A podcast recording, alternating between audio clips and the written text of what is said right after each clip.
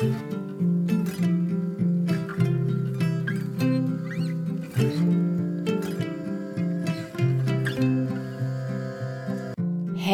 och välkommen till For Health med Anna Sparre.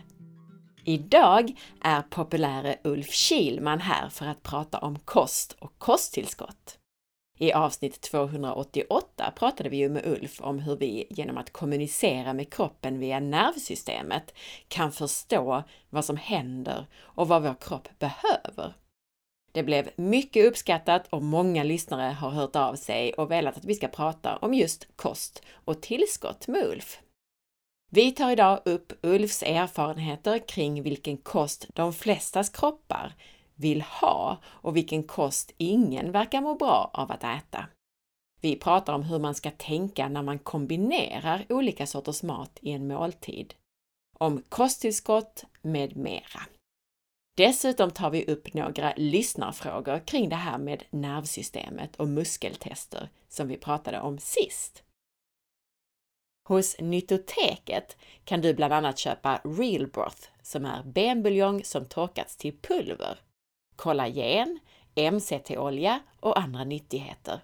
Allt är av absolut högsta kvalitet och helt utan onödiga tillsatser.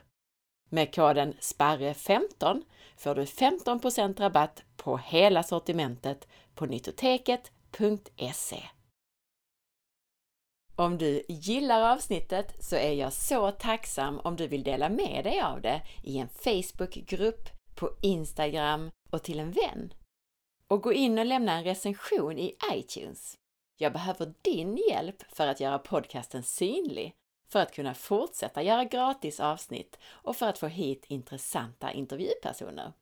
Tack på förhand!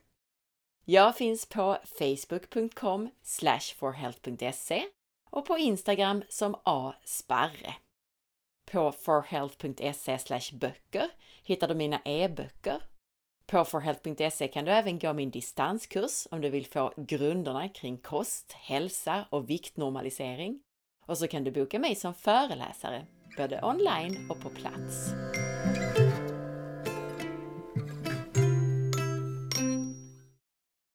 Ulf Kilman är som sagt mannen som hjälpt våra stora atleter. Men inte bara OS-medaljörer får hjälp. Han hjälper också gemene man med i stort sett alla hälsobesvär. Det Ulf gör och utbildar i när det gäller att förstå våra kroppars behov är ett behandlingssystem som bygger på neurovetenskap, där medicinsk kunskap kompletteras med alternativmedicinska metoder. Man läser av nervsystemet. Jag vill nämna att det sprakar lite i ljudet precis i början av intervjun, men vi justerar detta snabbt så merparten av intervjun ska ha bra ljud. Välkommen tillbaka Ulf! Tack för senast! Ja, tack själv! Det var jättetrevligt att prata med dig. Det tyckte lyssnarna också. Så fint förklarat förra gången. Och idag ska vi fokusera lite mer på kost och kosttillskott.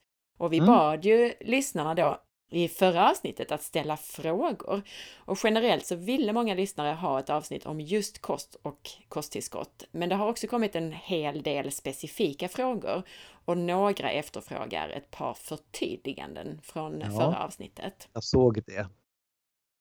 Ska vi kanske börja med att följa upp vårt förra avsnitt, avsnitt 288? Det kan vi jättegärna göra. Då var det mest frågor om olika långa ben och armar. Ja men precis, och jag har dem här så jag tänkte vi kan väl ta dem. Eh... Ja, vi tar en i taget du. Precis. För den som inte har lyssnat så var det alltså avsnitt 288 som handlade om att förstå kroppen via nervsystemet, om kinesiologi och din vidareutveckling av det. Mm. Då beskrev du ju hur en kropp kan vara sned och att du alltid börjar med att göra den rak för att få ärliga svar från kroppen. Precis. Och då hade ju lyssnarna då några frågor kring detta. Och den ena här skriver att det här med att vara sned, är det verkligen samma sak som att ha en arm eller ett ben som är kortare än, än det andra? Vilket jag har förstått är rätt vanligt. Mm. Det känns lite osannolikt att ett enkelt handgrepp skulle kunna få lemmarna att bli lika långa. Jag antar dock att jag har missuppfattat något här. Nej, det har ju inte personen gjort utan jag, jag har hört en siffra från, eh, från skräddare till exempel. De säger kanske 70% av befolkningen har ett ben som är kortare än andra. Och kiropraktorer, naprapater och sånt, de tittar ju gärna på benlängd för att eh, börja undersökningen, men de tittar inte på armlängd. Det finns alltid ett sammanband där. När man har ett ben som är kort så har man också en arm som är kort. Och beroende på hur de är korta, om det är vänster vänster eller höger höger eller vänster höger eller höger vänster eh, beroende på, man räknar alltid armen först på det sättet som jag tänker, så vet man var problemet ligger ifrån. För jag har bott med dessa människor till att se vad är det som utlöser snedheten då. Och då kom jag in på det i förra avsnittet att om det är vänster-vänster så är det skor, man är väldigt känslig i fötterna. Är det kort höger-höger så är det mat man äter som man inte tål riktigt. Men med enkla handgrepp, om man vet hur nervsystemet fungerar så kan man med enkla handgrepp få kroppen bli rak. Så man får lika långa armar, lika långa ben. Och egentligen är det nervsystemet som styr musklerna till att dra ihop sig snett och vint så man blir vriden eller inte. Och då finns det olika knep för att rätta till det. så på en minut så blir man oftast rak den här personen betonar ju också att det känns lite osannolikt att ett enkelt handgrepp skulle kunna få lemmarna att bli lika långa. Går det att dyka in lite på just det i frågan? Ja, det är ju ibland när man håller på med saker och ting så, så, tycker man ju att det är ju alldeles kan det verkligen vara på det här sättet? Men man kan på sedan 1963 så har man på och tittat och sett hur kroppen reagerar om man trycker på en punkt. Vad gör, händer då i kroppen? Och vad, om man gör på det här sättet, vad händer då i kroppen? Och så. Då har man hittat olika lösningar på att få kroppen börja förstå. Och eh, jag är väl den i Sverige som har tittat mest på det här med snedhet på det här sättet. Då, då finns det neurologiska reflexpunkter på kroppen man kan använda beroende på hur man är sned. Så man behöver bara hjälpa egentligen hjärnan att förstå vad är det som är fel och då, bör, då blir kroppen rak igen. Och därifrån så börjar man läsa av en kropp. Så för att försöka summera det du sa så är det egentligen så att ja, de flesta är sneda, men eftersom det beror på att det är nervsystemet som påverkar som gör att musklerna drar sig samman så kan vi då kommunicera till nervsystemet så att kroppen på ett ganska enkelt sätt blir rak igen. Titta vad du kan. Ja, precis så är det. Ja. Med enklare ord då var ju nästa lyssnarfråga här. Hur fungerar Kilmans kinesiologi om man verkligen har ett kortare ben än det andra, som till exempel i mitt fall som fick ett två centimeter kortare ben vid ett benbrott? Det är ju synd att hon inte fick riktig hjälp så att det läkte rätt. Men, men om man nu har benpipor som är olika långa, som, är, som kan hända genom olyckor och så, då får man ju räkna med att den personen har det benet som är kort. Men armarna ska ha lika längd i det fallet. Okej, okay, och då, så då tittar du på armarna i det fallet helt ja, enkelt? Ja, och sen tittar jag på, för, för det kommer bli skillnader på benlängden, även fast man har ben kort så får man ju se när armarna är lika långa, då vet man också att benen är så här olika långa. Så utgår man från det sen. Just det. Och en tredje lyssnare här skriver, vill gärna veta mer vilka tekniker och hur Ulf tänker kring korrigeringen av kroppen så att armar och ben blir lika långa. Är det muskulaturen han tänker aktiveras fel av nervsystemet och att det i sin tur påverkar leder? Och är det i både stående eller liggande position benen ska vara lika långa? Och då tänker jag den första delen av det här besvarade du ju egentligen. Men det här med stående och liggande? Ja, när man står upp så kan man ju se också om bäckenet tippar åt olika håll och det ska ju inte göra det. Och, och den rakheten blir ju också rak då, bäckenet ska komma upp i jämnhöjd när man står upp också förstås och axlar ska också bli lika långa. Har man gått väldigt, väldigt länge, många, många år som jag själv gick, så har man ju fått en liten vridning på kroppen när musklerna dragit ihop sig lite längre ner på ryggraden på ena sidan och kanske lite mer på, den andra, på överdelen på, på den andra sidan och då dras ju kroppen lite snett och vint. Det där kan man börja stretcha ut när man börjar bli rak sen men, men eh, har man gått länge så har ju kroppen kompenserat för den här snedheten då som kan ta lite tid och ja, då kan man känna det kanske när man ska stretcha åt något håll. Då känner man att man inte snedar åt det ena hållet än det andra. Men eh, eh, rakheten ska finnas där hela tiden då. Jag kan ju också betona att när du gjorde korrigeringar så var jag ju liggande. och, och, du tittade på mig i liggande tillstånd så att säga. Så vi, vi var inte riktigt uppe och korrigerade i stående. Nej, det går att göra stående också men, men det är lättare att se liggandes. Och det du säger här då att man kan, så att fastän jag var rak när jag gick därifrån så skulle jag då, eftersom jag kanske har gått omkring med vissa saker länge, ändå kunna ha kvar någon form av stelhet och snedhet. Ja, men när man är rak så börjar, då, då, då kan man börja stretcha ut det här på ett bra sätt för då, kan, då fungerar nervsystemet och visa dig hur det ligger till. Så då känner jag var jag är stel och så stretchar ja, jag där? precis. Det kom också någon annan fråga. Eh, bland annat så kom det en fråga som var, det var en som är nyfiken på om Ulf kan gå djupare i, i hur organ och nervsystem samarbetar gällande smärtor och intoleranser och vilka utbredningsområden inre organ har på kroppen. Mm. Jag tolkar alltså den här lyssnaren som att frågan gäller olika kopplingar i kroppen, särskilt gällande då våra inre organ. Vad man ser, och det har man kunnat påvisat också, att, att eh, alla muskler hör ihop med organ och körtlar. Så är det, och allt styrs ju från hjärnan från början. Men hjärnan måste ju få rätt information från syn, och smak, hörsel och ingående information från organ och körtlar till hjärnan så att den förstår vad det är som pågår så den kan göra rätt beslut om att hur den ska styra kroppen. Ibland blir det ju fel där med att på grund av att man har virus, bakterier, parasiter eller inklämningar eller någonting sånt som gör att inte nervsystemet kan styras på rätt sätt. Men det är väldigt viktigt att sinnena fungerar på rätt sätt, att man har rätt intryck från ögonen, att man hör rätt från öronen. Jag har många fina historier om när det inte gör det på rätt sätt. Och då, blir, då styr hjärnan sig, den styrs alltid med den informationen den får. Och då kan det bli till kajko utgående signaler också förstås om den inte får rätt information.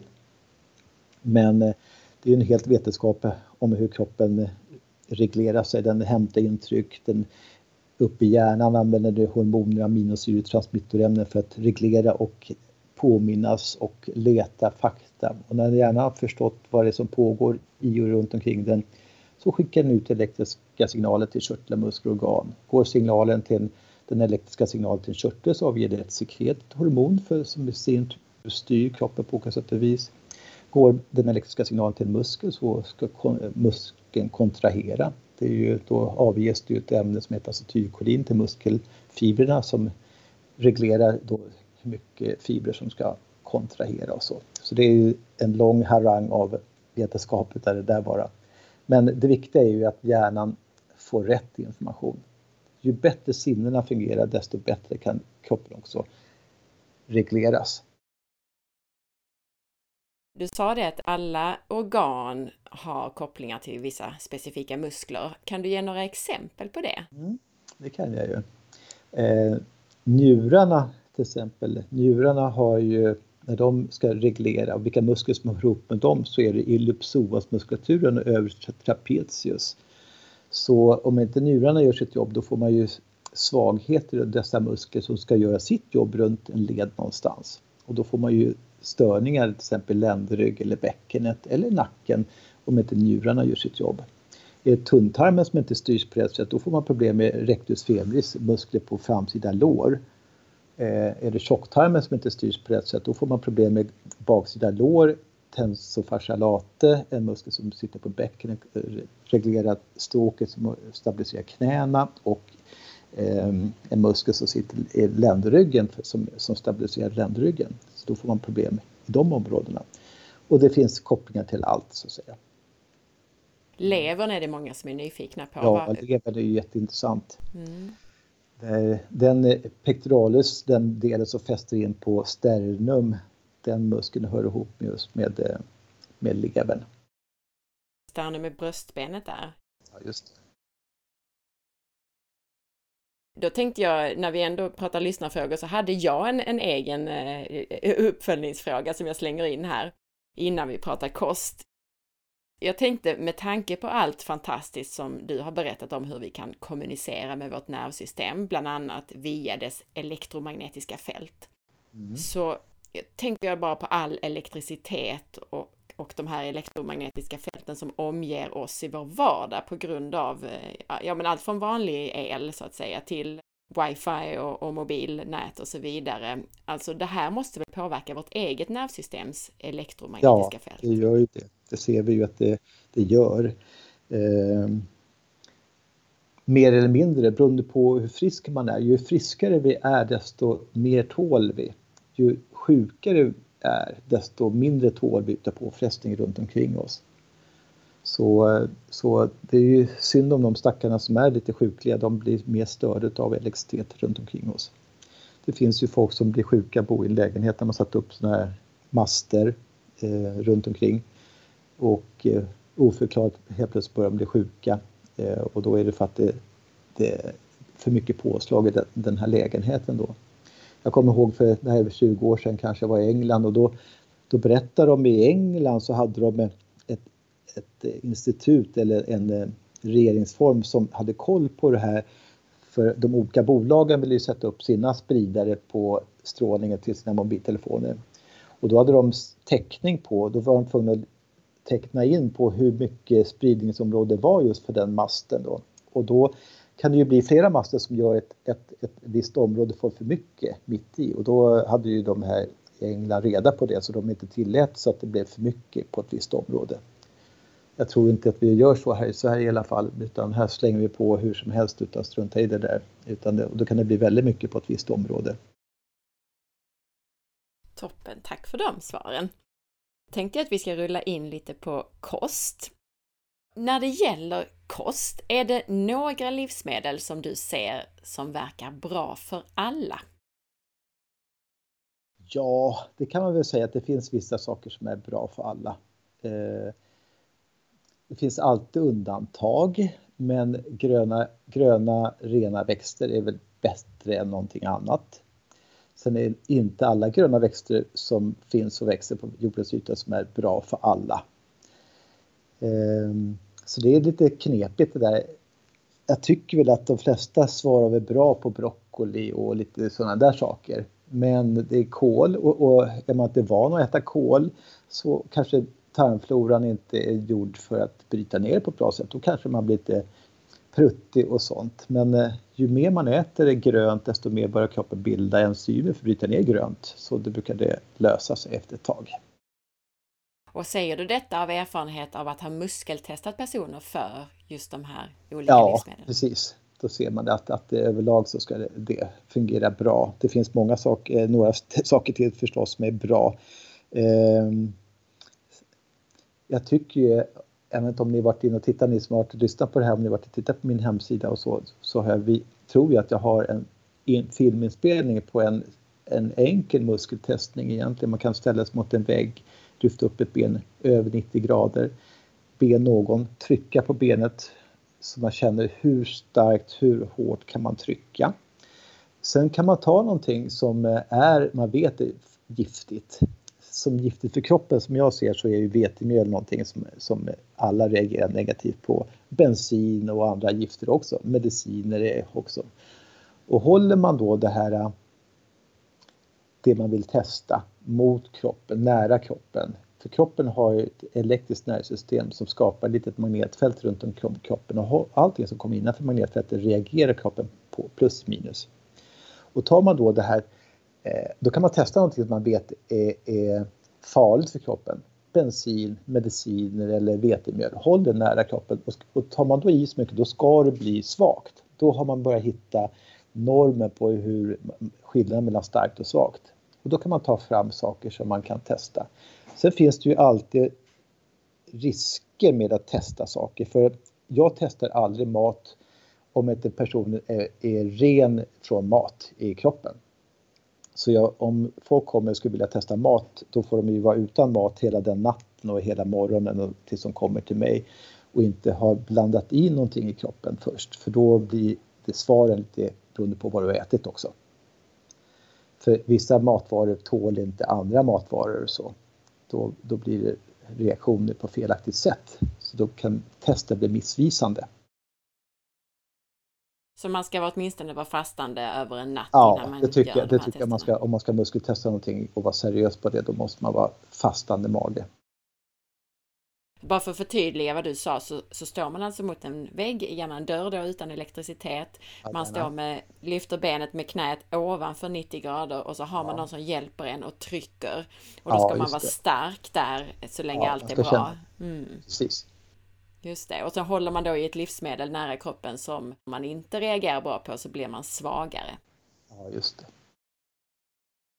Jag blir ju nyfiken också det här du sa att vissa livsmedel passar inte ihop så att säga. Är det någonting? Det som... finns ju mycket på jordens yta som man en gång i tiden smakade på. Man såg att man överlevde och det smakade rätt gott i munnen. Senare i livet så har ju vi människor uppfunnit eh, eh, maskiner som man kan stoppa in saker och, och, få ut vad är det för innehåll i en, en växt eller en, ett bär eller vad man nu ska testa. Och då innehåller det då någonting som man tror, proteiner, fetter och annat. Då tror man att det här är ju en nyttig produkt. Som, som eh, om man säger nötter. Nötter är ju oftast inte så himla nyttigt som man tror. Ehm, kroppen reagerar oftast dåligt på nötter. Eh, så jag tycker ju inte att man ska äta nötter bara rent av hur som helst utan det finns vissa nötter som, som kanske kan vara bra men då måste man muskeltesta dem. Först och främst eh, kan de vara full med, med svampgifter på för att de inte har legat för länge någonstans. Eh, men ja, grunden ska ju vara att det är ekologiska fina produkter från början om man ska testa någonting. Men nötter är oftast inte bra för människor.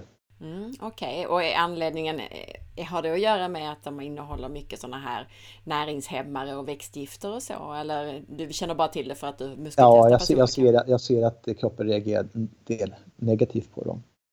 Jag har ju en liten fin historia med Lars Frölander där. Ehm, han hade ju tagit alla medaljer och 2003-2004 någonstans där så, så kommer han till mig och var riktigt dåligt skick. Och eh, jag har ju en liten rolig maskin man kan sätta folk i och titta på hur nervsystemet fungerar, vad som pågår inne i kroppen. Då ser jag att han är ju väldigt dåligt skick. Så jag frågar honom, vad, vad, vad har du ändrat på nu då, sa jag. Nej, jag har inte ändrat på någonting. Jag gör precis som vanligt. Nej, det kan du inte göra Lars. Det är alltså, någonting har du ju ändrat på. Det måste vara maten du har ändrat på. Nej, jag äter som vanligt. Och då hade han träffat sin nuvarande fru Ida. Och Ida satt väl åt lite godis på kvällarna men Lasse är ju hälsofrik så han började äta nötter på kvällarna. Och då sa jag, du ska väl inte äta nötter? Det kan inte vara nötter som jag mår så här, sa han och så slängde han igen dörren och gick därifrån. vi, vi är ju gamla vänner och har bott ihop länge så att eh, man får göra så med vänner och jag visste att han skulle komma tillbaka. Eh, tre veckor senare kom han tillbaka och var ännu sämre skick.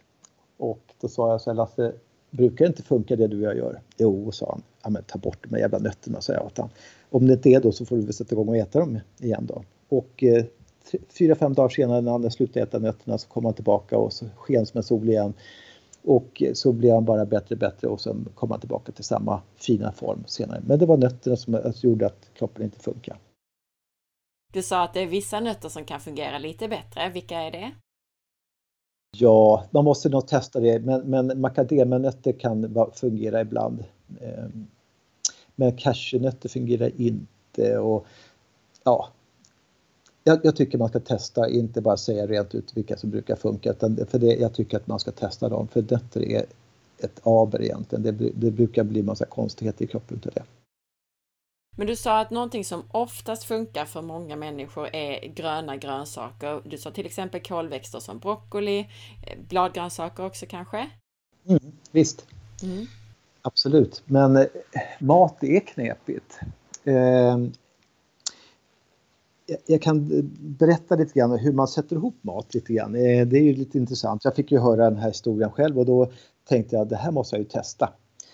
Pavlo, Pavlos hundar betingande reflexer. Han gjorde ju studier på hundar och varje gång han gav hundarna mat, kött, så började han ringa en klocka och, eh, och då märkte han ju att han behövde bara ringa klocka till slut så började hundarna salivera och trodde att de skulle få mat.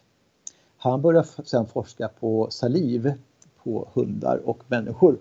Då ser man det att om man en människa eller en hund tittar på en köttbit så börjar kroppen salivera för att göra enzymer i munnen för att bryta det, just den här maten, det här köttet då. Och samtidigt ger den signal till magsäcken för att göra surt i magsäcken för att bryta ner köttet. Men det är ju så illa så att vi människor äter ju inte bara kött. Vi äter ju gärna en potatisbit till kanske eller någonting sånt där. Och då gör ju kroppen likadant. Ögat ser potatisen, gör enzymer i munnen för att bryta ner potatisen och ger signal till magsäcken för att göra basiskt i magsäcken. Då blir det varken tillräckligt basiskt eller tillräckligt surt för att bryta ner maten. Så då fungerar inte det. Så ska man äta kött, om man nu väljer att äta kött, fågel och fisk, alltså animaliska proteiner, så ska man äta det med, med gröna växter och, och bär.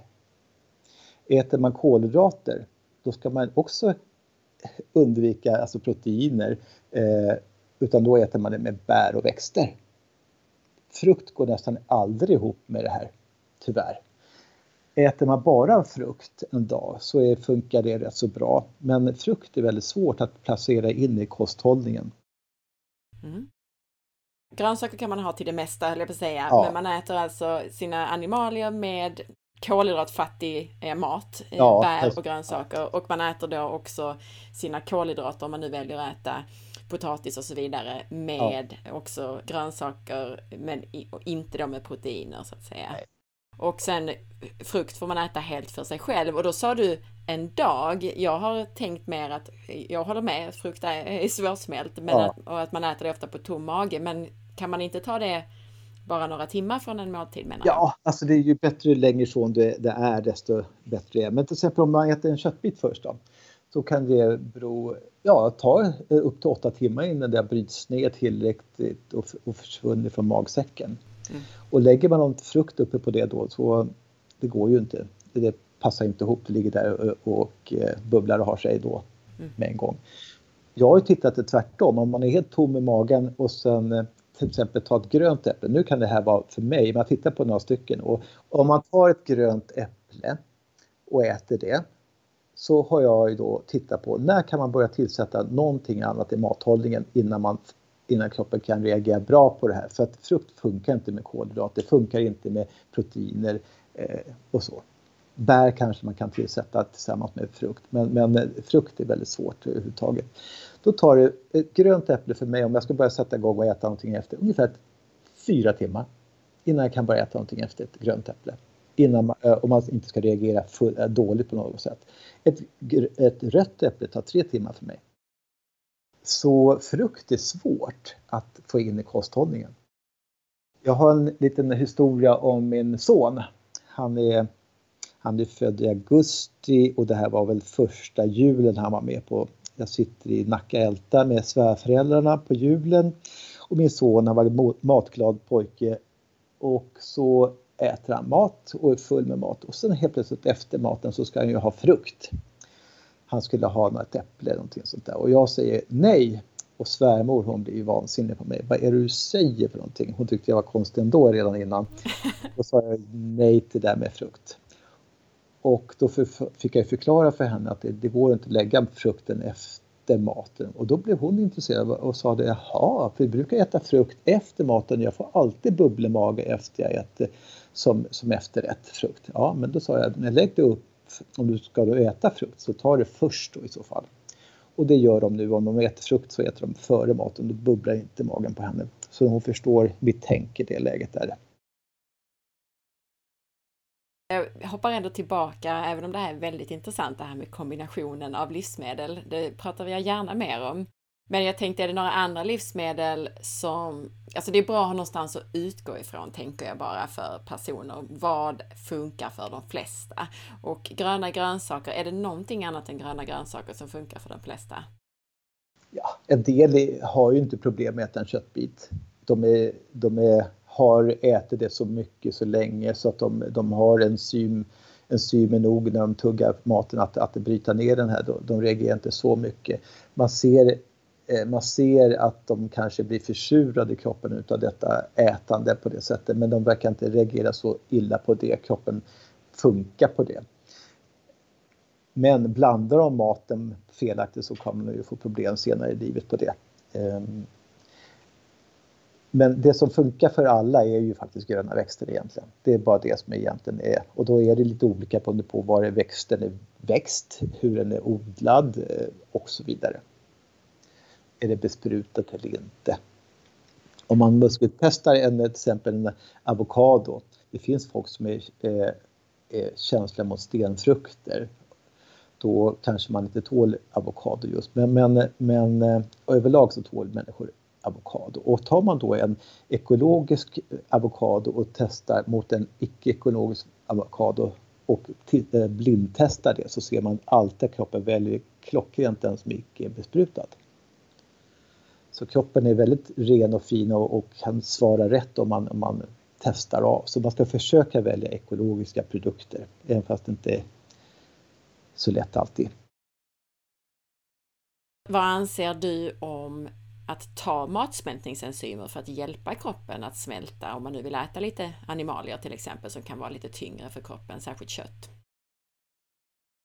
Och då är det ju, då kommer vi komma in på det där kosttillskott som jag kommer att prata mycket om sen snart. Eh, det är svårt att sätta ihop ett enzym som, som, eh, som passar alla ett enzym, man kan köpa ett enzym som kanske innehåller alla sorters enzymer för att hjälpa kroppen att bryta ner alla sorters eh, saker, kolhydrater, fetter och proteiner. Eller så kanske man har problem åt något håll och då kanske finns några saker som man kan köpa, olika märken då. Men jag ser att det är svårt. Det är svårt att hitta rätt enzymer som passar exakt. Och jag ska komma in på det här med när vi pratar kosttillskott om hur tokigt det är att äta någonting som belastar kroppen någonstans. Och börjar man hitta någonting som man kanske tycker funkar från början och äter det ofta sen så kanske man blir sjuk på kuppen och då tror man inte kanske att det som hjälpte en en gång i tiden var den som stjälper en till slut. Mm. Så det är svårt. Men det här med livsmedel då, menar du då att vi måste testa precis alla livsmedel vi ska stoppa i oss? Ja, man, man, om man börjar göra så, om till exempel saker man äter ofta i alla fall, tycker jag att man ska testa och se så att det här är någonting som fungerar. Eh, äter man någonting ofta så, så kan man ju bli sjuk på kuppen. Någonting som man gör någon gång ibland gör inte så stor skada.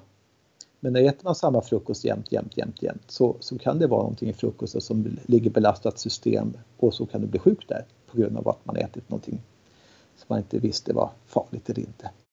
Jag tänker då till exempel på att jag har ju förespråkat för att bygga upp tarmfloran att man äter en stor bredd av grönsaker så att man får olika sorters fibrer för att bygga upp tarmfloran. Och eh, när man tittar då på evolutionen och så vidare så har de ätit väldigt, väldigt brett med många, många olika sorters växtdelar. Och det blir ju lite att testa där tänker jag. Ja, det blir ju det och eh, det är ju helt rätt tänk tycker jag att man ska äta brett. Eh, för olika växter innehåller olika enzymer och annat. Så det är väl bra att äta brett. Men, eh, men eh, man måste, eh, om man ska äta dagligen brett så ska man nog vara lite aktsam i alla fall. Titta på, tål jag det här, tål jag inte det här? Äter man någon gång ibland som jag sa någonting så är det inte så farligt. Men äter man fel varje dag så kommer det bli stört någonting och kan man bli sjuk på kuppen. Jag kan berätta om en liten historia där om ni vill veta en historia om hur, varför jag blev så intresserad av just mat och tillskott och lite sånt där. Ja, gärna. Mm. En god vän till mig, det här är 25 år sedan, han har varit hälsofrik hela sitt liv. Han har aldrig rökt, snusat, druckit. Jag har gjort allt det där. Han eh, säger så här till mig, Ulf, vad du än gör så ät ett supergrinspreparat varje dag Ta en sked i glas vatten varje dag så kommer du få i dig allting du behöver ha för att komplettera din kosthållning. Jaha, säger du det, sa jag och han var en av mina lärare en gång i tiden så jag sa det, okej. Okay. Då går jag och köper ett av de finaste preparaten som går att köpa. Jag köper tre burkar eh, torkade växter. Eh, äter det. Jag tycker inte att jag får någon affekt av det. Jag är frisk då, jag är frisk idag. Ehm, jag kunde få lite mer energi när jag inte hade ätit mat och fått i mig det där gröna pulvret. Så efter tre burkar så slutar jag för jag tycker inte att det gav mig någonting. Han fortsätter i tre års tid med detta. Efter, han är lika gammal som jag och efter tre år så var han ute och reste i världen och hamnade i Vietnam och blev kär i en tjej i Vietnam. Kommer hem till Sverige efter semestern och så känner han, nej, är det någon kvinna jag vill ha och leva med så är det hon i Vietnam. Jag måste tillbaka. Så han åker tillbaka till Vietnam, fria genom släkt och vänner där nere så att han, han vill giftas med den där kvinnan och de säger ja. Och han blir överlycklig. Eh, men om man ska gifta sig som västerlänning med vietnamesiska i Vietnam så måste man ha läkarintyg på att man är frisk. Så han är ju, och säkert kunde man säkert köpt ett läkarintyg nere i Vietnam med pengar bara. Men han är seriös, han åker hem till Sverige, berättar för familj och släkt och vänner att han ska gifta sig, gå till större sjukhus och berättar problemet. Och de vet vilka tester man ska ta för att få de här rätta papperna för det här. Han lämnar in blodprov och så och när han ska få tillbaka det här pappret på att han är frisk så säger de så här att eh, vi måste nog sätta oss och prata lite grann. Jaha, sa han, är det något som är fel? Ja, hur mycket dricker du egentligen? Men jag dricker inte, sa han. Jo, men det är klart att du dricker. Du har gravt alkoholiserad lever, du har levercirros i sent läge, du har skrumplever i sent läge. Eh, så det är klart att du super. Nej, det gör jag inte. Och så där höll de på. Men då var det en syster som sa efter en stund, vad äter du då annat än vanlig mat? För vanlig mat brukar man rotera. Och eh, han visste ju inte, vad, det enda han åt egentligen var det här gröna pulvret då. Så han kom till mig och frågade mig, kan du hjälpa mig att försöka hitta vad är det i mitt liv som gör att jag får problem med min lever på det här sättet? Och då såg jag att det var ju den här burken med supergrinsprodukter i. Och då fann jag att det var två växter som fanns i den här burken som låg och belastade levern varje dag. Varje dag, varje dag, varje dag, varje dag. Och då fick han en skada i levern. Det enda jag gjorde med honom var att ta bort den här burken med gröna pulvret. Så fick jag fortsätta leva och äta precis som vanligt. Eh, vi gjorde inget annat än bara ta bort den här burken. Sju månader senare blev han friskförklarad så han kan åka ner och gifta sig i Vietnam. Så lyckligt slut till slut. Men så illa är det när man får i sig någonting som inte stämmer. Um, och då är det ju, många tittar ju på innehållsförteckningar, oj vad mycket bra saker, det är blåbär och det är det och det och det och det och det och det i en burk och så tycker man det här borde, det är bra. Men eh, det är inte alltid mängden eller, eller hur många ingredienser det är i en burk som är bäst. Utan man måste veta att allting är passande för människan så att det inte ligger ett belastat system någonstans. Om vi vänder på den frågan som jag har eh, tryckt lite på här då istället och säger vilka livsmedel testar de flesta negativt för? Alltså att våra kroppar inte vill ha dem. Jag har ju gått mycket utbildningar inom läkarvetenskapen, vanlig alternativvård, från allting som från läkare till osteopater, kiropraktorer och naprapater och gått, eh, har gått så mycket utbildningar inom kinesisk medicin och annat. Ingen har pratat mat någonsin med mig. Men det har jag, vad jag sett sen är ju att det som belastar kroppen nästan mest utav allting, det är vetemjöl. Vetemjöl gör att det blir en inflammatorisk process som pågår i kroppen som inte man kanske känner av direkt. Eh, utan det tar upp det, eh, kroppen kan reagera under längre tid, under 14 dagar efter man äter vetemjöl så, så börjar kroppen reagera dag två eller dag sju eller dag 12 eller så. Därför är det lite halvknepigt och det gör att kroppen inte tar upp näringen riktigt om man äter vetemjöl. Sen är det ju de här vita gifterna som är tokiga som man pratar om. Det är ju vetemjöl tycker jag är värst. Men så finns det ju människor som är väldigt, väldigt känsliga för mjölkproteinet. Inte så mycket för laktoser kanske, för det har vi nordbor i alla fall lärt oss att använda. Utländska människor har lite större problem med laktos. Men proteinet i mjölken, kossan, fungerar inte för människan. Och sen är det ju socker i slutändan där. Sen finns det ju en drös med andra saker som, som är störande för kroppen. Tomater till exempel. Det finns idag inte en tomat som inte är genmanipulerad eller korsbefruktad med latex. Eh, så människan, när den håller på och ändrar strukturen på frukter och bär och sånt där så blir det en, kanske växer mer men det blir ingen nyttig produkt för människan. Jag som odlar tomater hemma. Ja, om du har då kanske tomatplantor från mormor och sånt där, så, då kanske det funkar jättebra. Men det som går att köpa idag, det, det är allt korsbefruktat. För att det ska, inte ska Eh, gå att transportera, skalet ska hålla bättre i transporter. Morot, den orangea moroten. Min son eh, han har ju växt upp med, med bra mat tycker vi. Men ändå tyckte jag att det var sjuttsingen är det med honom. Varför är han inte piggare än man är? Så, så till slut så förstod jag att det här har med maten att göra. Så jag tar en behandlingsbänk och går in i köket och så tar jag fram allt som finns i köket och busketestar och tittar på vad är det han reagerar på. Ja, och då var det morot. Morot åt ju han varje dag. Och då ser vi det att den, den orangea moroten som egentligen är ändrad på, det är holländarna som gjort den orange den originalet är ju vit eller om det är brun svart. Eh, de eh, morötterna fungerar bra för nervsystemet och kroppen men den här orangea fungerar inte bra. Så den ska man ju inte ha till maten egentligen.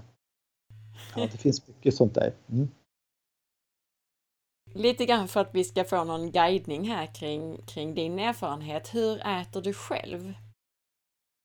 Till min frukost så gör jag, eh, då har jag testat ut att jag äter ekologisk broccoli. Jag tar en eh, broccoli, ångkokar den lite grann så det blir lite eh, spröd. Lägger den i en mixer, mixar den eh, med lite vatten och en avokado tillsätt, då, blir det, då kan jag ha så mycket vatten jag vill ha så jag får den substansen på så det blir lite eh, grötsoppaaktigt. Och sen har jag eh, lite bra salt på det här. Och så kan man ha bär i om man vill. Eh, men det, det, är väl den frukost jag äter. Men så äter jag ju då mina tillskott till exempel som jag har tagit fram är ju egentligen koncentrat av mat. Ren finaste maten man kan tänka sig som är i stoppade burkarna. Så att eh, jag är inte så orolig att jag inte får i mig vad jag behöver ha för där i finns näringsämnena jag behöver. Men jag börjar frukosten oftast med, med en sån tallrik och ett glas, stort glas vatten. Och vatten är ju mycket jag kan prata om också förstås. Just det. Men det står du inte på hela dagen, en avokado och broccoli, eller hur? Ja, jag, alltså jag, har ju, jag vet ju hur jag jobbar och hur jag sliter och eh, när man jobbar på det sättet som jag gör så kan man gå in och se vad, vad behöver kroppen ha för att klara av det här livet man lever. Och då behöver man vissa tills, alltså man behöver mat. Maten ska innehålla vissa saker för att komplettera det man utsätts för. Och då har jag sett om jag äter vanlig mat, den mat jag brukar äta, jag äter mest gröna växter, eh, då behöver jag lite extra tillskott utav eh, proteiner, salter, mineraler, B-vitaminer, D-vitaminer och lite sånt där som jag kompletterar min mathållning med. För att jag ska orka med att hantera miljögifter och annat så att jag inte lagrar, lagrar in dem i kroppen. Om vi nu tittar på lunch då till exempel, eller vad är nästa måltid efter att du har ätit den här frukosten? Mm. Då har jag köpt hem oftast köpt hem eh, gröna växter som jag ångkokar och äter det med lite blåbär kanske. Det låter som väldigt lite energi. Får du ja, men jag har ju jättemycket energi. Vad jag gör varje morgon, jag går upp på morgonen och gör att eh, ja, uppvärmningsövningar baserat på lite yogaövningar, kanske en 20-30 minuter, stretch och annat, värmer upp kroppen.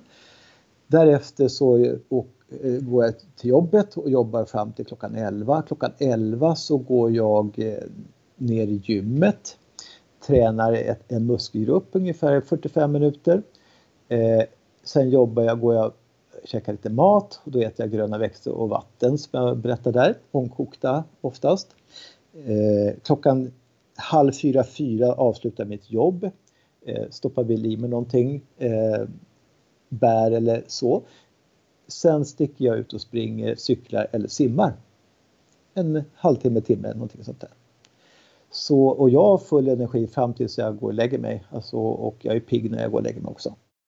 Äter du någon middag sen, senare på kvällen? Ja, ibland. Men jag äter ju, om jag äter någonting så är det gröna växter, omkokta växter där också. Mm. Ja, så jag tycker att jag får i mig vad jag behöver ha men som sagt var jag har, har ju ett sätt att arbeta och det är ju det folk som går till de som är utbildade med, då bör man ju se ett mönster eh, när man börjar behandla folk. Ha, ditt liv är det här, du behöver extra hjälp. Maten räcker inte mot vad du behöver ha för att klara din värld. Då kommer kroppen visa vad den behöver ha, om det är extra vitaminer eller mineraler eller proteiner eller någonting. Då kommer den visa vad man behöver ha, komplettera kosten med. Så är man jätte, jätteduktig med kosten så behöver man ju mindre tillskott. Jag tyckte mer bara att det, alltså det låter som jättebra livsmedel som du äter, men det låter som, nu vet jag inte vilka volymer och så, men det Nej. låter som lite energi, men det beror också på hur mycket avokado, så du får, fett är ju lite mer energi ja. till exempel. Mm. Precis. Använder du olivolja? Jag använder olivolja, det är den oljan jag använder. använder. Eh, sen har jag ju tagit fram ett, ett, ett tillskott som eh, är baserat på fetter och eh, då är det ju inte sådana fetter som rapsolja. och sånt. Rapsolja funkar inte för en människa. Det passar mer en, en buss att gå runt på. Det funkar inte för människa att äta rapsolja och så. Men skulle jag använda, eh, det många som använder kokosfett och sånt där och steka i, ja ja, det kanske inte blir giftigt i sig när man steker på men det är inte nyttig vara från början ens. Utan jag steker i olivolja, eh, den blir kanske förstörd och inte innehåller det bra saker som olivolja har från början men det blir inte giftig i alla fall heller i slutändan. Så som fetter så är det avokado och olivolja. Är det några andra fetter, fettkällor som du använder personligen? Ja, egentligen finns det ju fett i all växtlighet, mer eller mindre. Eh, och jag tillsätter ju då, eh, eftersom jag lever som jag gör så, så, har jag sett vilka fetter jag behöver ha för att, för att komplettera min mathållning. Eh, jag är rätt liten i maten i sig där eh, för att jag har sett att jag går ju runt på den, mina tillskott rätt mycket. Det, de, de innehåller ju bara helt de renaste saker man kan få tag i från jordens alla hörn eh, med rätt ren mat. Så det är väl det jag baserar nästan på att leva på. Sen allt annat jag tuggar i mig, det kan jag göra för att det är glädjande att äta någonting och, och tillsammans med folk. Jag kan äta fisk någon gång ibland också om jag går på restaurang eller någon bjuder hem mig. Då kan jag ta lite fisk, men jag äter inte kött, fågel och sånt. Okej, okay. så dina huvudsakliga proteinkällor är från tillskott som du har? Ja, och växtlighet, det finns rätt mycket proteiner i växtlighet också, ja. Använder du bönor och linser? Ja, linser fungerar inte att äta. Bönor finns det, stora vita bönor jag använder en hel del, det fungerar rätt bra. Men det krävs ju lite grann om man eh, ska testa bönor eller linser eller vad man vill testa så måste man ju först och sen förvälla dem och göra det man bör göra innan man ska äta dem som är färdiga innan man ska testa dem på kroppen. För en, en, en rå böna eller rå lins, det, det reagerar kroppen oftast dåligt på. Så man måste göra maten i den form man ska äta först om man ska testa och se om, man, om den fungerar för dig själv. Jag brukar rekommendera att man groddar bönor och linser. Om man ska ja, det tycker jag att man ska göra först och främst och det är väl det, det bästa. Men du tycker fisk är lite snällare för kroppen än till exempel kött? Ja, oh ja. Oh ja. Sen eh, ska man ju helst inte äta odlad fisk. Lax till exempel eller så som är odlad, den är ju ingenting att ha. Det Nej. kan man lika gärna vara utan. Instämmer helt. Ja. Men du pratade innan om livsmedel som generellt är, är, dåliga för oss är de vita gifterna där då, mjöl och socker och mjölk och så. Jag ska tipsa lyssnarna också om att vi har faktiskt gjort, precis har jag gjort ett avsnitt eh, om hur man rent praktiskt gör för att bli gluten och spannmålsfri. Så man kan ju börja ja, där. Avsnitt 287. jag kan berätta en liten, liten eh, historia om vetemjöl. Mm. Jag ju, har ju varit av, alltså på människor rätt länge om det här med vetemjöl för att jag har sett att folk reagerar illa om det. Men för, nu kan vi säga om det är 14-15 år sedan någonstans så sitter jag i Nacka Älta en söndag och läser Dagens Nyheter. Då handlar det om en läkare. Tyvärr har jag förtappat den här tidningen så jag vet inte var den är någonstans. Men den här läkaren, han har fått två helsidor i Dagens Nyheter. Och jag har ju ingenting att göra den söndagen så jag sätter mig gärna och läser. Då står det så här, jag har jobbat med patologi och sjukdomslära i 40 års tid och vi får bara konstigare och konstigare sjukdomar, säger han. Och jag tror att det beror på vete, skriver han. Ja, tänker han som jag, så jag läser glatt vidare. Då är han arkeolog eh, också. Eh, så att han har forskat i vetets historia. Och då säger han så här i tidningen att en gång i tiden så åt inte vi vetemjöl överhuvudtaget. Grundvetet åt inte vi. Men den gången som människan började äta vetemjöl så krympte människan i storlek. Kraniet blev 10% mindre storlek och vi började få andra sjukdomar än infektionssjukdomar. Innan vi började äta vetemjöl så fanns det bara sådana sjukdomar där man råkar få in skräp i sår och sådana saker. Och i slutet på de här två sidorna så står det att han tror att alla våra välfärdssjukdomar bottnas i att vi äter vetemjöl. Jag ser att det finns andra vägar också men, men det, det, är rätt intressant att höra hur han tyckte och såg. Och eh, det är ju vad jag ser också, vetemjöl går inte, om man ska vara riktigt frisk och kunna prestera till 100% Det finns folk som presterar väldigt, väldigt bra även fast man äter vetemjöl, men jag vet att de kan prestera bättre om de slutar äta vetemjöl. Intressant. Är det några andra saker tänkte jag fråga där, förutom de här, du nämnde tomat som är en växt som många har svårt med och också då den här orangea moroten. Mm. Är det några andra Nästan allting som man kan tänka sig att människan har ändrat på. Mm. Det mesta alltså? Ja, det var det bästa. För att det ska växa så mycket som möjligt har vi ja. manipulerat på olika sätt och vis. Och då vet man att det här funkar inte. Majs till exempel. Är, ja, det är väldigt det finns ju inget som inte GMO. Ja, du vet. Men jag tänker de flesta frukter är ju alltså modifierade eller förädlade i alla fall för att bli större och sötare till exempel. Ja, det är sant. Och eh, där får man ju testa sig fram och som jag sa, frukt från början är lite knepigt tillsammans med mat. Så testa er fram och se vad man kan äta och inte äta. Då, då känner jag att jag, på, på våren är jag ganska hemma då i alla fall, för då brukar jag plocka, jag lever nästan helt på, när det gäller mina grönsaker då, så lever jag nästan helt på ogräs på våren. Eh, sånt som jag, de är ju oftast inte förädlade. Alltså kirskål och maskros och sådana här saker, hoppas jag då att det ska gå bra. Det blir tufft här nu för lyssnarna och för mig också med ja. maten. det, det, är inte så lätt med mat men eh, jag kan berätta eh, någonting som kan göra er lite glada också. Eh, det kommer in en kund till mig, en kvinna, hon är 62 år gammal, har ett, ett blomsterbutik i Södertälje. Hon kommer med sina problem. En, två behandlingar senare så är hon frisk. Hon tar med sig sin dotter som är 34 år gammal till mig. En, två behandlingar senare så är hon också frisk. Då tar hon med sig sin son, 37 år gammal. In kommer en storvuxen kille, mamman är med, eh, storvuxen kille innanför dörr och så säger han så här, ja någon som mig har du nog aldrig träffat förut, sa han. Jaha, sa jag, jag har nog träffat de flesta typer, men vad menar du med det då, sa jag. Jo, jag har inte ätit mat sedan jag var tre fyra år, sa han. Nej, sa jag. Och hans mamma sitter och nickar där. Ja, eh, Jaha, vad äter du då? sa jag. Jag äter ostbågar, chips och Coca-Cola. Det har jag gjort sedan jag var fyra år gammal. Jag äter ingenting annat än det. Och hans mamma sitter och nickar. Jaha, och ändå var han stor och fullvuxen.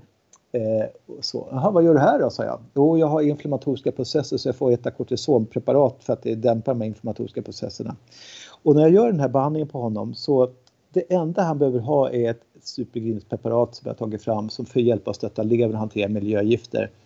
Och när han äter det och Coca-Cola, ostbågar, chips så har han inga problem. Det är väl lattjo.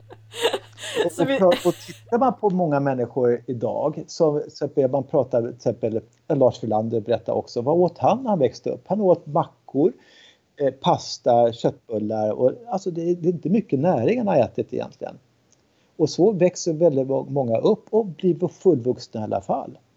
Så det är lite lattjo. Så vi kanske inte behöver vara så himla rädda där men eh, om man nu ska äta någonting så ska, ska man försöka äta så grönt som möjligt tycker jag, för då får man bra näringsämnen i kroppen. Men om vi då tänker idrottare, när du hjälper idrottare, de gör ju av med väldigt mycket energi. Så hur rekommenderar du dem att de äter? Jag rekommenderar dem också att äta grönt så mycket som möjligt.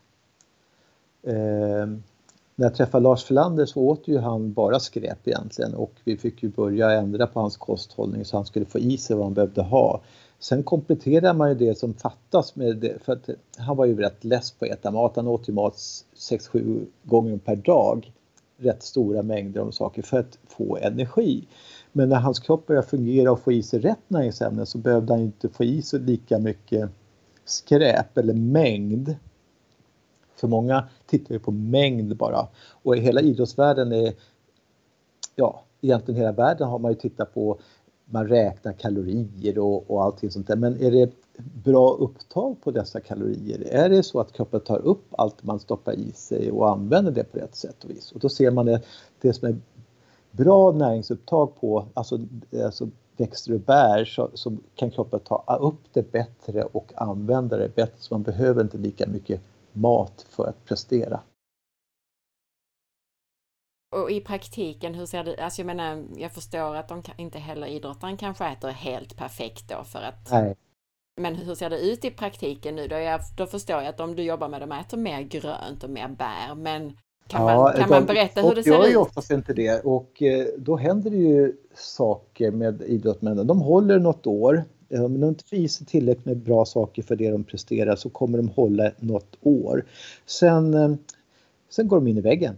Precis som vanliga människor också, de går in i väggen för man jobbar och sliter och inte får i sig tillräckligt med bra näring för att eh, få i sig det som man behöver ha mot den prestation man utför. Och då ser jag nästan alla människor som har gått in i väggen, de har ju låga insulinhalter, de har höga kortisolhalter, de, ja, alltså kroppen, eller, kroppen jobbar inte på rätt sätt. Eh, först står den på höga kortisolvärden men sen orkar inte kroppen bilnjurarna bilda kortisol så blir det lågt där också. Och vad man ser då det är egentligen bara att hitta rätt näringsstatus vad de behöver stötta kroppen med. Då kommer de tillbaka rätt fort till arbetsmarknaden eller till prestationerna. Så det brukar inte vara så svårt att få ordning på dem. Det är bara att de måste få kroppen att vakna upp och eh, ge dem rätt näring. Du som ändå har levt nära Lars Frölander då till exempel, en högpresterande idrottsman var han i alla fall rent i praktiken, hur blev det att han åt? Jag menar, åt han, han är ju gissat att han inte åt lika rent som du beskriver att du åt, även om han la till alla de här sakerna. Eller hur ser det ut för att han skulle få i sig sin energi? Även då om han behövde lite mindre efter han valde ja, jag, mer rent. Jag lärde mig ju rätt mycket på Lars också. Eh, han åt ju allt vad som sattes framför honom och han åt ju inte bra mat från början. Men han märkte ju mer ju mer han gick över åt det gröna hållet desto friskare blev han och bättre kunna prestera. Så att det blev ju en sakta förändring i hans kosthållning eh, när han såg att han vågade och ändra på kosten också. Eh, tränar man så mycket som man är hungrig nästan jämt. Eh, men han märkte då också man, när han la till mer grönt att han var inte lika hungrig hela tiden eh, fast han presterade lika mycket. Eh, så det, ja, pasta och sånt där det innehåller en viss mängd energi och, och var svårt att överräkna det till gröna växter. Eh, men vi märkte att han höll ju vikt och annat om man åt kanske fler gånger växter om dagen än, än kanske stora portioner så kunde han prestera lika mycket som att äta stora last med pasta. Mm. Så näringsinnehåll i gröna växter och bär är ju högre. Man att man inte kanske kan räkna ut det så ser man att man kan prestera bättre i alla fall. Mm. Är det något annat kring kost och livsmedel som vi bör prata om innan vi går in på tillskott?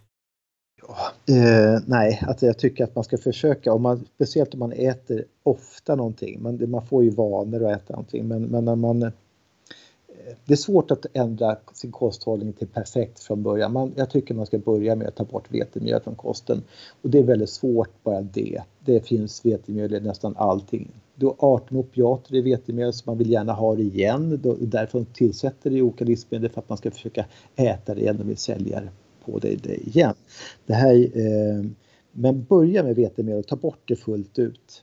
Eh, när man har klarat av det då tycker jag då kan man väl gå på mjölkprodukterna och sen växer man in i det hela.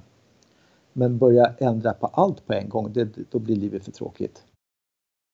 Och det är utmärkt att du säger det, för då har vi både avsnitt 287 som är, heter Så blir du glutenfri, som egentligen är hur man blir spannmålsfri. Och sen har vi 289 hur du blir mejerifri och lyssna på ja, Bra, bra av dig tycker jag. För det, det behövs det, tyvärr så så sägs det inte så mycket om och det är mycket skador och sjukdomar man kan slippa om man undviker de här sakerna.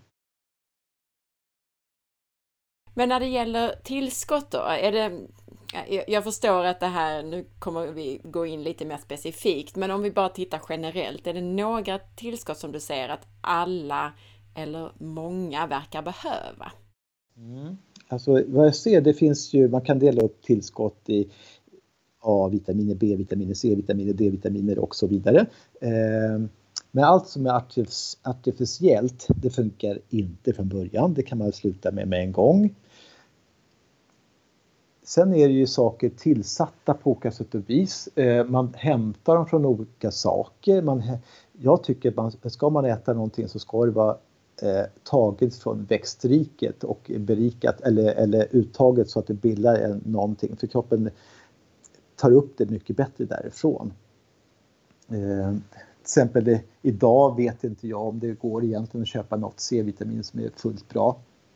Eh, och många, många andra saker. Och som jag nämnde i början på vår, eh, det här avsnittet så nämnde jag min gode vän som hade ätit ett tillskott där det fanns två växter i som låg och belastade hans lever varje dag, varje dag, varje dag.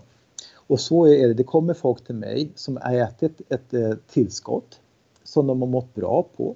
Det har funnits en substans, en E-vitamin eller vad det nu kan vara för någonting i substansen som har missats i kroppen. Och när de har fått i sig det så har de fått en affekthöjning i kroppen. Men om själva bindemedlet eller kapseln eller sammansättningen är inte perfekt för kroppen så kommer kroppen, det som är inte perfekt, ligga belastat system någonstans. Och då kanske man fortsätter, man tyckte man mådde bra på det här preparatet, då äter man det varje dag, varje dag, varje dag och till slut så blir man sjuk någonstans. Till mig kommer folk som har cancer för att de äter kosttillskott som man köper på apotek eller hälsokostbutiker. Så, så det är ett, och det är ju väldigt synd när man betalar för någonting som man blir sjuk på. Mm. Och eh, jag såg det första gången det här med min vän som blev sjuk på grund av att han åt det här och efter det så har jag blivit väldigt, väldigt intresserad och se vad och vad är som fungerar, vad fungerar inte eh, till människor. Jag såg när jag står och behandlar folk eh, mycket så har mycket gamla människor, sjuka människor, mycket inflammatoriska processer pågående i kroppen. Eh, och då ser man det att, att det är oftast prostaglandiner och leukotriner eh, som är de inflammatoriska bärarna som inte, alltså inte kroppen klarar av riktigt. Då ser man det att man löser det oftast med fettsyror. Och jag hade då ett batteri av olika fiskoljor, ett massa olika märken och en burk kunde passa den gubben och den andra burken passade den tanten och, och sådär. Eh, men det fanns ju en och finns fortfarande en eh, läkare som heter Udo, en kanadensisk läkare som har gjort ett Udos Choice. Det var en vegetabilisk olja som aldrig var bra när man var sjuk, men kunde vara, vara bra om man var frisk. Då tänkte jag, vad är detta för något? Hur kan det vara så här? Så jag bad min snälla fru Charlotte, Charlotte snälla kan inte du ta kontakt med alla leverantörer på vegetabiliska oljor för jag måste få reda på det här. För på hans burk så står det att han använder olivolja, linfröolja och några stycken oljor till. Men det finns ju hundra oljor till tänkte jag. Varför använder han inte de här? Är han snål eller hur tänker han? Jag vill veta det här. Så då satte min fru i arbete så hon kontaktade då leverantörer på vegetabiliska eh, oljor. Då kom det kanske 70-80 olika olivoljor, lika många linfröoljor och så vidare. Så då fick jag testa av vilken av de här är bäst. Och då hade vi fått fram den bästa olivoljan, linfröoljan, eh, arganoljan och så vidare. Eh, och så kunde jag se hur ska jag sätta ihop de här då? då? Hur mycket mängd ska jag ha? Gick de att sätta ihop utan att kroppen reagerade dåligt på det och sådär. Då fick jag ihop en, en olja som, som inte vi vet vad är detta för någonting jag satt ihop. Men det var bra både till sjuka och friska när man tittar på inflammatoriska bärare och sånt där. Så vi skickade in det på labbanalys och då ser de att det finns ju då man ser att det är 100% växtolja men de har bara sett i laboratorium att det är, de känner igen 90 omega 3, 6, 9, 12 och så vidare. Eh, men sista 10% har de aldrig sett i labb. Och då är det så att en, en färsk olivolja har ett oxidationstal när den är fräsch, färsk, kanske 5-7 på oxidationstal vid 17-19 någonstans där så måste den kasseras, då har den blivit härsken och då får man kassera den. Och många växtoljor är väldigt solkänsliga eller eh, oxidationskänsliga. När de skickar då svarsresultatet på den här oljan vi hade fått ihop så ligger den på 0,5. Ett år senare, fem år senare, sju år senare ligger fortfarande kvar på 0,5. Den oxiderar inte. Så någonting i blandningen har gjort att den håller mot oxidation även fast det är väldigt känsliga eh, växtoljor i den. Så får man ihop sammansättningen där så blir det, hjälper de varandra på något sätt som, som gör att det, eh, mm, det, det är lite så man måste göra och som jag sa tidigare med både mat och annat så, så får det inte ligga och störa någonting. Och jag ser inte att det finns någon fiskolja egentligen som är perfekt för kroppen. Kroppen säger ah, jag gillar inte riktigt det här. Den kan hjälpa på vissa processer men stjälpa på andra processer i kroppen. Så man ska försöka hålla, på, hålla sig till växtriket. Det blir ju, jag, jag, kan tänka mig att man blir lite överväldigad när man hör det här. Eh, men jag tror att man kan, vi kanske kan gå tillbaka till det du sa, att man kommer långt med att ta bort vetemjöl och de här vita gifterna, mejerier och socker och så vidare. Och lite grann här, det du har sagt om tillskott är att att kanske i första hand undvika tillskott tills man vet vad man behöver. Och när man då väljer tillskott att man försöker välja i huvudsak matbaserade tillskott. Precis, det tycker jag. Och så kan man muskeltesta också. Det finns ju folk som är utbildade inom mina tekniker som kan hjälpa en att titta på om produkter är bra eller inte och se, berätta vilka mängder man ska ha och inte också. Just det. Du sa att eh, de tillskott som ni då sätter ihop, där ni håller på och testar och, och så, först och främst testar ni då både på er själva och på era patienter, eller hur? Mm, det gör vi ju. Och då ser man, man kan tänka sig att ja, men det är bäst att testa på sjuka människor så ser att inte de blir sjukare eller, eller så. Då ser man att, att de som är friskast, um, som toppidrottsmän, de, de har ju renare nervsystem så de reagerar starkare på saker och inte. Eh, och, men funkar en sak på en person så verkar det funka på alla andra människor också. Mm. Sen finns det ju människor som inte känner av vad som sker i kroppen. De är liksom lite stängda, de är starka nog i kroppen för att inte reagera så starkt men, men man, de invärtes så händer det samma saker som på vem som helst. Och då ser man att det fungerar en sak på en människa så fungerar det på alla andra människor. Och tvärtom också. Fungerar inte på en människa så fungerar det inte på någon annan människa heller. Fast du nämnde ju något som fungerade för friska. Ja, man kan, titta på, man kan titta på det med avokado till exempel. Om man har eh, sten, stenfruktskänslig eh, eh, så, så kan man ju bli känslig för avokado fast de flesta, avokado, de flesta människor fungerar på avokado. Mm. Så därav finns det. När jag gick en utbildning inom blodanalys för ett amerikanskt bolag så sa man det att är man stenfruktskänslig så har man nickel i kroppen. Och då sa jag till dem, om man nu tar bort nicklet då, försvinner då den här känsligheten? Jaha, det visste de inte att, att man kunde ta bort. Men, men det skulle vara kul att titta på lite mer någon gång när man har fått tid över till det också. Just. Att den kopplingen försvinner då. Sen sa du att, att era kosttillskott är i huvudsak matbaserade. Men när jag var hos dig fick jag med mig bland annat något örtpreparat och sen fick jag det här greens som är matbaserat. Men jag fick också B-vitaminer och vad jag kan se, de är väl inte mm. matbaserade egentligen, även om de var bra former. Nej, och, och, ibland så får man inte tag i ren mat utan man måste då börja leta och titta på substanser som man använder. Eh, Pabamin eller ja, niacin eller så. Då får man titta på var kan jag få de här sakerna ifrån? Är det någon av de här från alla leverantörer i världen som kan leverera ett, ett niacin som inte, som inte belastar nervsystemet någonstans? Och det är så man får då testa fram saker. Och det finns substanser som, som inte är växtbaserade som, som går att använda också som kroppen kan använda utan problem. Men det är ett himla letande det går inte bara att köpa hur som helst och tro att det ska funka bara för att det står att det är B-vitamin till exempel. Men det låter i alla fall då som att din inställning är att gemene man kanske hellre ska undvika tillskott än att ta tillskott om man inte har testat? Ja, det tycker jag faktiskt. Det, det är, eh, man kan köpa fel eh, och bli sjuk på kuppen det, och det är synd. Det är bättre att ta, ta, ta hjälp av någon som är duktig då och eh, som kan hjälpa dig att hitta vad, vad behöver jag ha.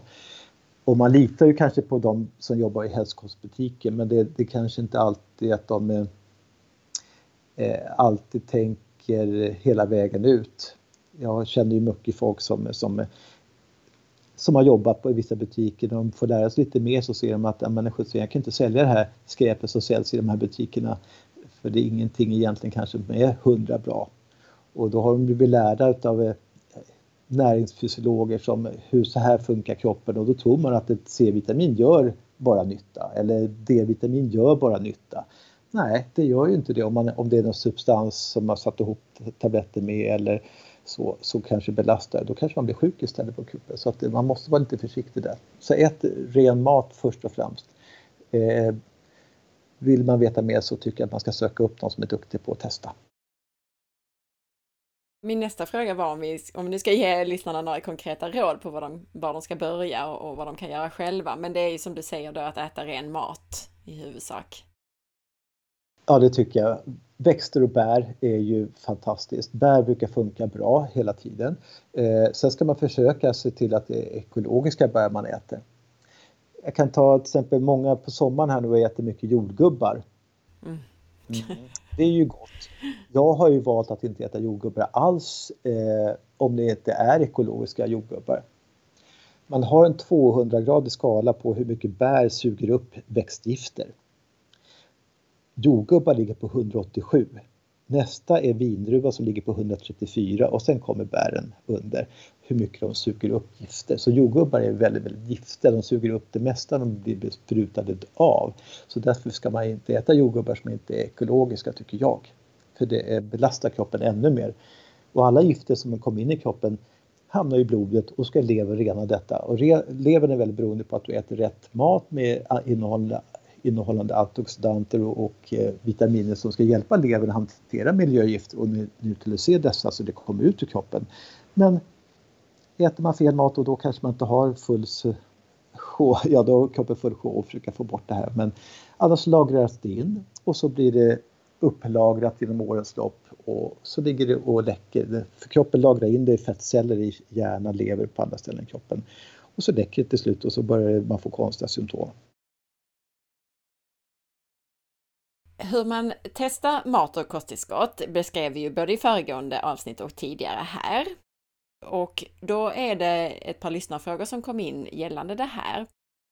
Och det ena är kan man göra det här livsmedelstestet även om man skulle vara sned eller obalanserad i kroppen? Alltså svarar kroppen korrekt ändå?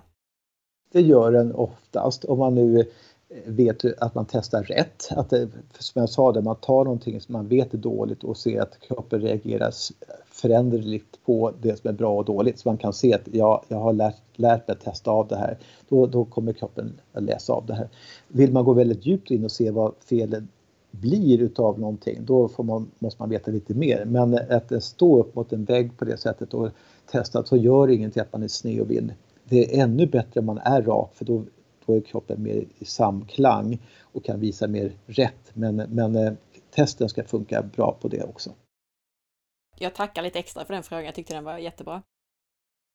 Sen var det en annan som frågade, hur ska man tänka kring mediciner? Man kan väl inte sluta rakt av med en medicin, till exempel Levaxin, sån här sköldkörtelhormon, för att kroppen inte vill ha den, undrar en annan lyssnare. Nej, Eh, det tycker inte jag heller att man ska göra, utan om jag har en person som kommer in har köldkörtelproblem, som många kvinnor har, eh, så vet jag att den här personens mage fungerar inte. För det är magen som ska ta upp näringsämnena för, som kroppen ska använda för att bilda dessa hormoner. Hjärnan ska ju tala om hur mycket tyroxin köldkörteln ska producera och det, det behövs ofta salt i mineraler för att det ska funka. Fattas det salt i mineraler i rätt mängd så kommer inte kroppen kunna bilda dessa eh, signalämnen T4 och så för att kroppen ska kunna ja, jobba på rätt sätt. Men jag skulle inte ta bort det här förrän jag vet att jag fått ordning på magen så magen fungerar bra. Och då i det läget så när man börjar se att magen fungerar bra så börjar säga åt personen, kan du gå till läkaren och ta ett prov och se dina köldkörtelnivåer hur de ligger nu idag. Okej, då har de fått svar på det och då säger jag åt dem, ta bort en kvart från den här tabletten, för det är ju eh, Levaxin man oftast får här i Sverige. Då tar man bort en kvart från tabletten, ät den en månad på, eh, med en kvart borta. Gå tillbaka till läkaren efter en månad, och då har eh, nivåerna oftast inte blivit förändrade, det är samma nivåer. Jaha, vad bra, då kan vi ta bort en kvart till. Och så där fortsätter man till man ser att nej, jag behöver inte tabletten. Jag tar inte bort tabletten helt och hållet utan man måste ju ha en check med läkaren i det läget. Sen finns det ju läkemedel som, man vet idag att det är ungefär 4000 människor i Sverige som dör på grund av att man äter medicin som en läkare skrivit ut. Och man äter precis som läkaren föreskrivit men det är fel medicin mot vad du ska ha. Och där är det ju ett krux jag träffar ju på sådana människor och eh, jag ser ju hur kroppen reagerar på den här medicinen då. Och då brukar jag säga åt dem att det här måste du ta med läkaren och säga att du måste ändra medicinen. Jag kan hjälpa till och se om vi hittar en medicin som ska göra ungefär samma sak som inte slår ut kroppen på det sättet så man kan hjälpa kroppen att hitta det här. Men jag ska berätta hur illa det kan vara. Jag hjälper en kvinna, eller en, ja, en kvinna eh, och tar ett OS-medalj. Jag ska inte säga val för då kanske man kan bara luska i vilken familj det kan röra sig om. Men eh, jag hjälper henne att ta en OS-medalj. Då kommer hennes mamma till mig. Hon eh, har fått en propp eh, i hjärnan. Då får hon eh, varan som medicin och varan det är ju riktigt råttgift så jag säger till henne om du äter varan här utan att ta reda på varför du fått den här proppen, eh, att ändra kosthållningen kanske och så för att hjälpa kroppen och eh, slippa det här i framtiden. Så ja, men hon fortsätter i alla fall äta varan och jag säger eh, det här, det här, om några år om du äter det här så kommer du ha flera mediciner för du kommer få symptom på den här varanen. Och mycket riktigt, två, tre år senare så kommer hon till mig, då äter hon fyra, fem olika mediciner på grund av biverkningar. Och så kommer hon imorgon till mig ingående, hon ser inte ut som hon har tvättat sig på någon vecka, håret står åt alla möjliga håll. Och hon lägger sig på min bänk och då sa jag till henne, jaha hur är det med dig då? Ja, inget bra så. Är din man med? sa jag. Ja, det är barn. Så då gick jag och hämtade hennes man som fick ställa sig i, i rummet bredvid. Och där är jag rätt så hård nu för nu har jag jag tycker jag ser att det här kommer inte gå bra om inte, om inte vi försöker ta tag i det ordentligt. Så jag sa högt till henne när hennes man står bredvid. Tycker du att ditt liv är roligt att leva just nu? Nej, sa hon.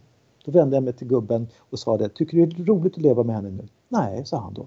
Ärligt. Vad bra, sa jag. Då går ni, direkt när ni går från mig här nu, så åker ni till sjukhuset och börjar prata med läkarna som har skrivit ut de här medicinerna. För ni ser ju att det går åt fel håll.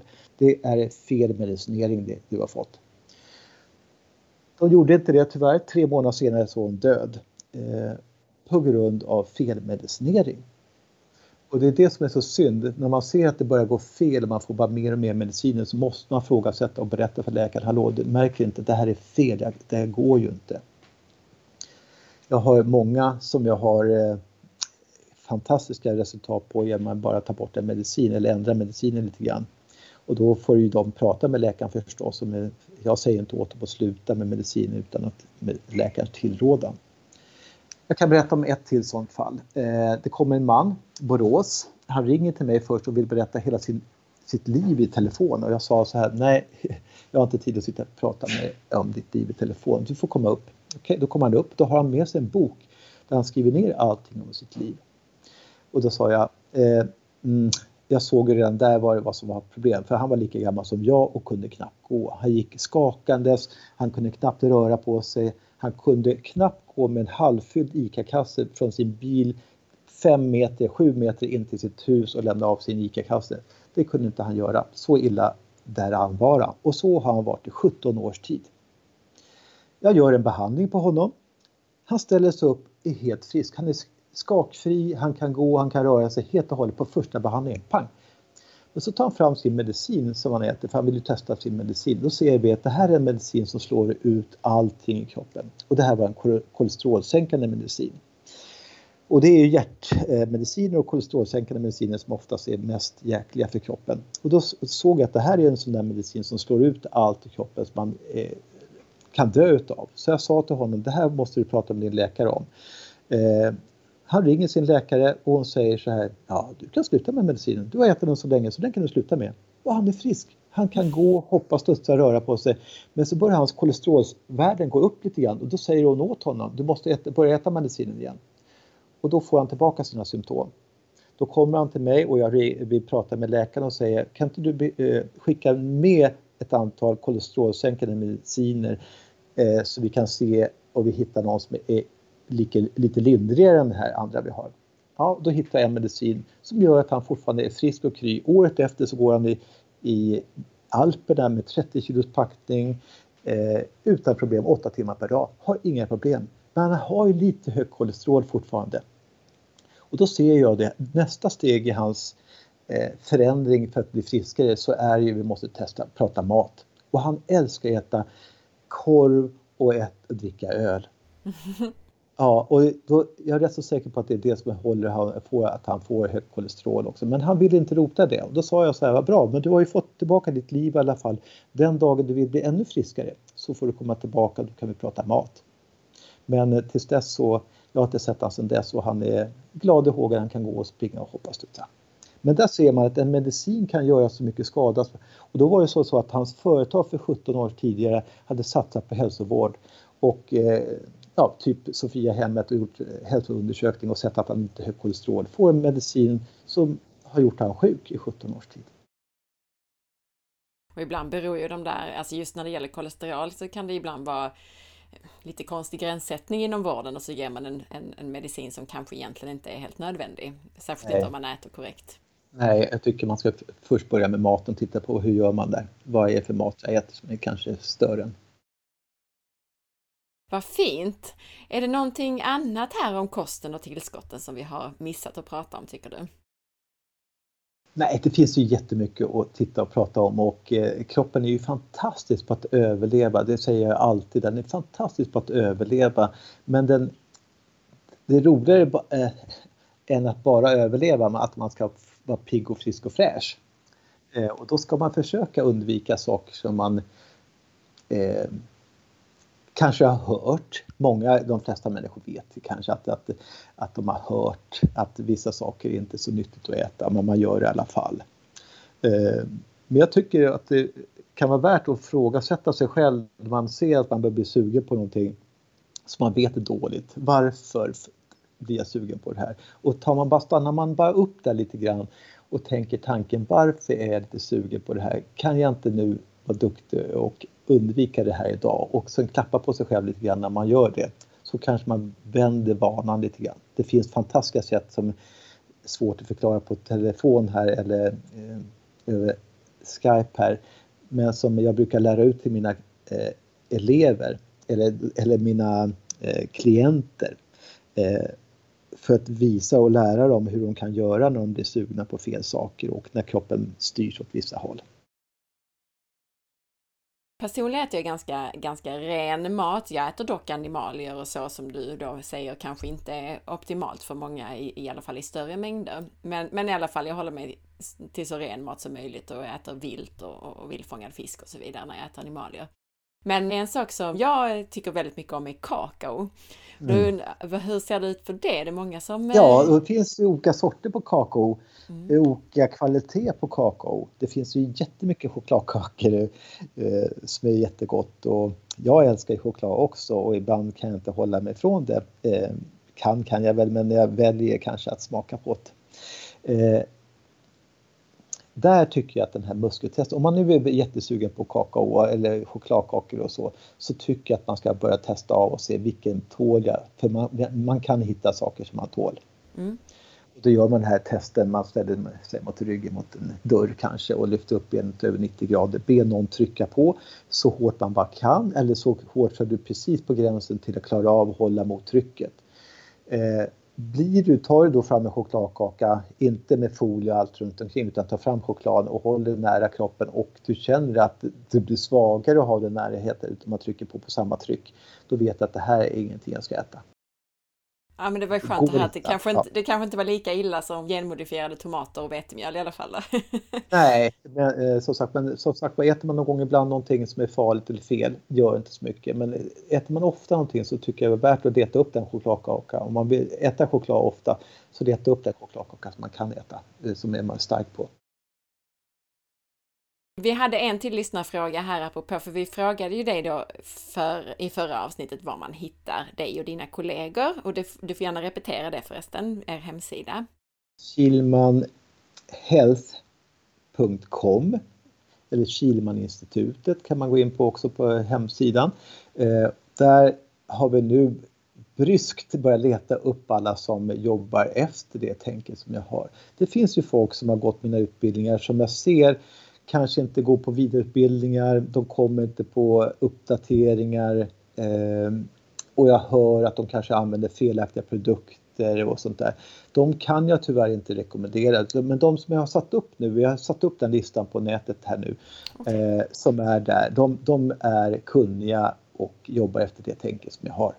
Vad bra, för det var just det som var, det var många som hörde av sig och frågade ja. var hittar man dem som är utbildade? Jättekul att det är så många som hör av sig och så. Och så som sagt jag har ju helgkurser för hemmabruk, två dagar, så man får lära sig att testa och se och få kroppar friskare och fräschare på två dagar. Så har jag en en, en utbildning på tre dagar för terapeuter, sådana som är lite mer kunniga inom eh, kroppens fysiologi eller annat. Eh, spelar egentligen ingen roll, men de är lite mer kunniga. Då får, finns en tre dagars utbildning så man kan förbättra sitt, eh, sitt yrkesvana eller den, det man håller på med.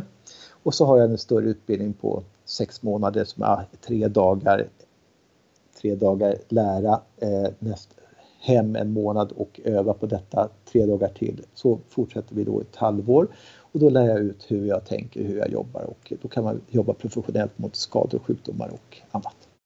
Utmärkt! Vad fint! Tusen tack för idag! Ja, tack själv! Jättetrevligt att prata med dig. Du ställer så fina frågor och, och det får kul att få lära, lära ut vad man vet. Tack! Tack snälla!